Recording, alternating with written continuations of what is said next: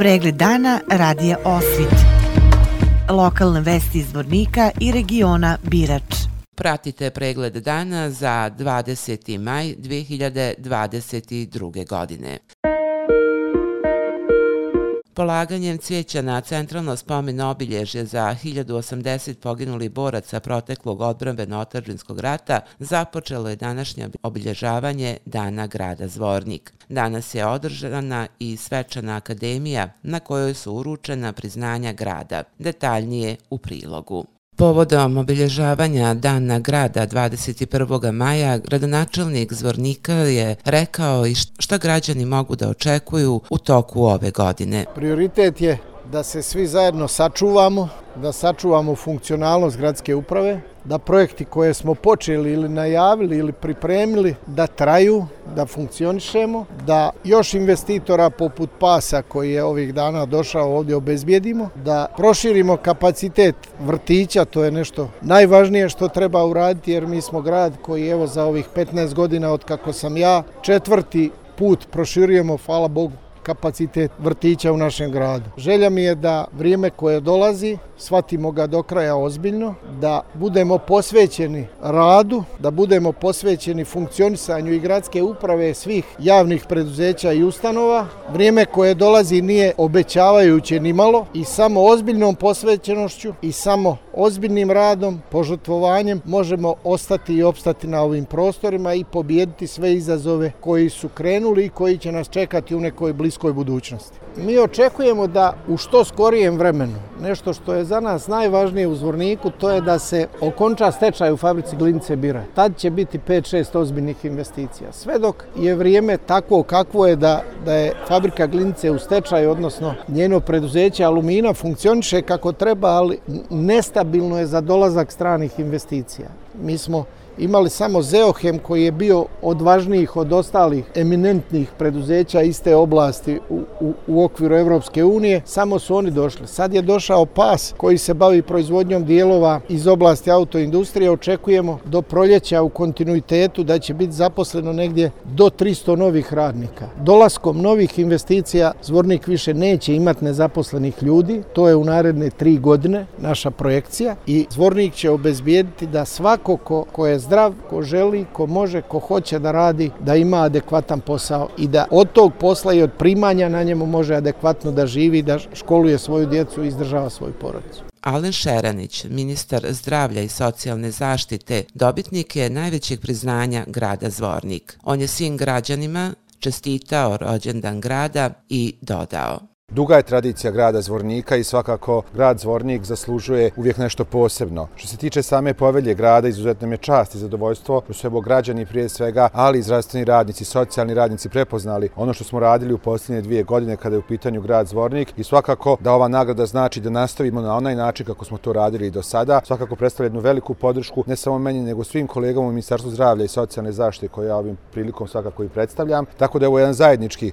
uspjeh. Ja sam često govorio u koroni da sam ja samo neko ko predstavlja sve njih i ko govori u ime njih, a svi mi zajednički smo odradili veliki posao. Moram da kažem i da se sjetim situacija nebrojeno koje su bile u tom periodu kada smo građanima Zvornika i kroz reorganizaciju samog sistema omogućavali prije svega da dobiju kvalitetnu zdravstvenu zaštitu ne samo ovdje, jer je vrlo teško bilo organizovati taj cijeli sistem uz rekonstrukciju same bolnice. Tako da smo uspjeli da i pored ovoga što danas činimo i tada što smo činili napredujemo i dalje. Ja se nadam da će tako ostati i u buduće.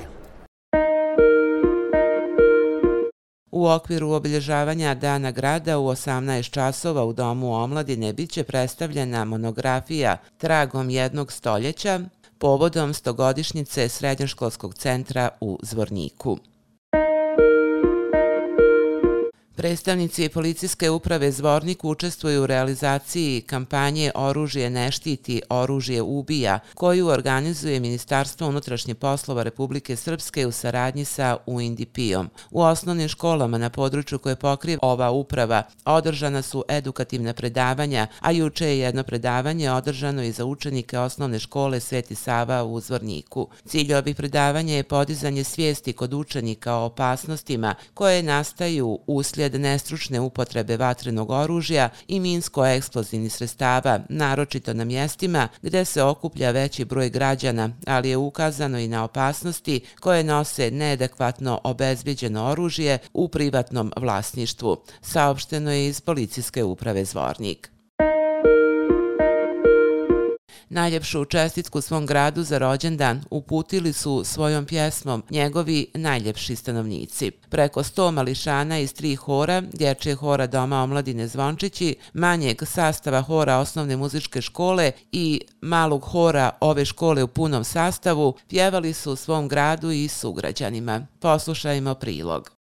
Grad Zvornik treba da bude ponosan na svoje mlade potomke. Za rođendan je dobio najlepšu čestitku, punu radosti, osmijeha, ljubavi. Bilo je predivno vidjeti članove sva tri hora u zajedničkoj misiji. Naši najmlađi sugrađani, kada se pojave na bini, odmah osvajaju srca publike i vraćaju osmijeh na lica i najumorniji građana. Lijepo je u svojoj pjesmi Ljubiša Ršumović rekao da su djeca ukra svijeta. Zvorničkoj publici se prvo predstavio dječji hor Doma omladine Zvončići. Rukovodilac hora, Hristijana Sandić, nam je rekla. Imali smo priliku da pjevamo našem gradu za njegov rođendan, što je jedna izuzetna čast i privilegija, jer rođendan je, jel tako, uvijek posebna prilika, a kada je to rođendan grada u kojem živite, onda je to nešto posebno. Bilo je fantastično, roditelji su bili oduševljeni, kao i svi ostali prolaznici i zaista jedno fantastično veče koje smo priredili našim sugrađanima.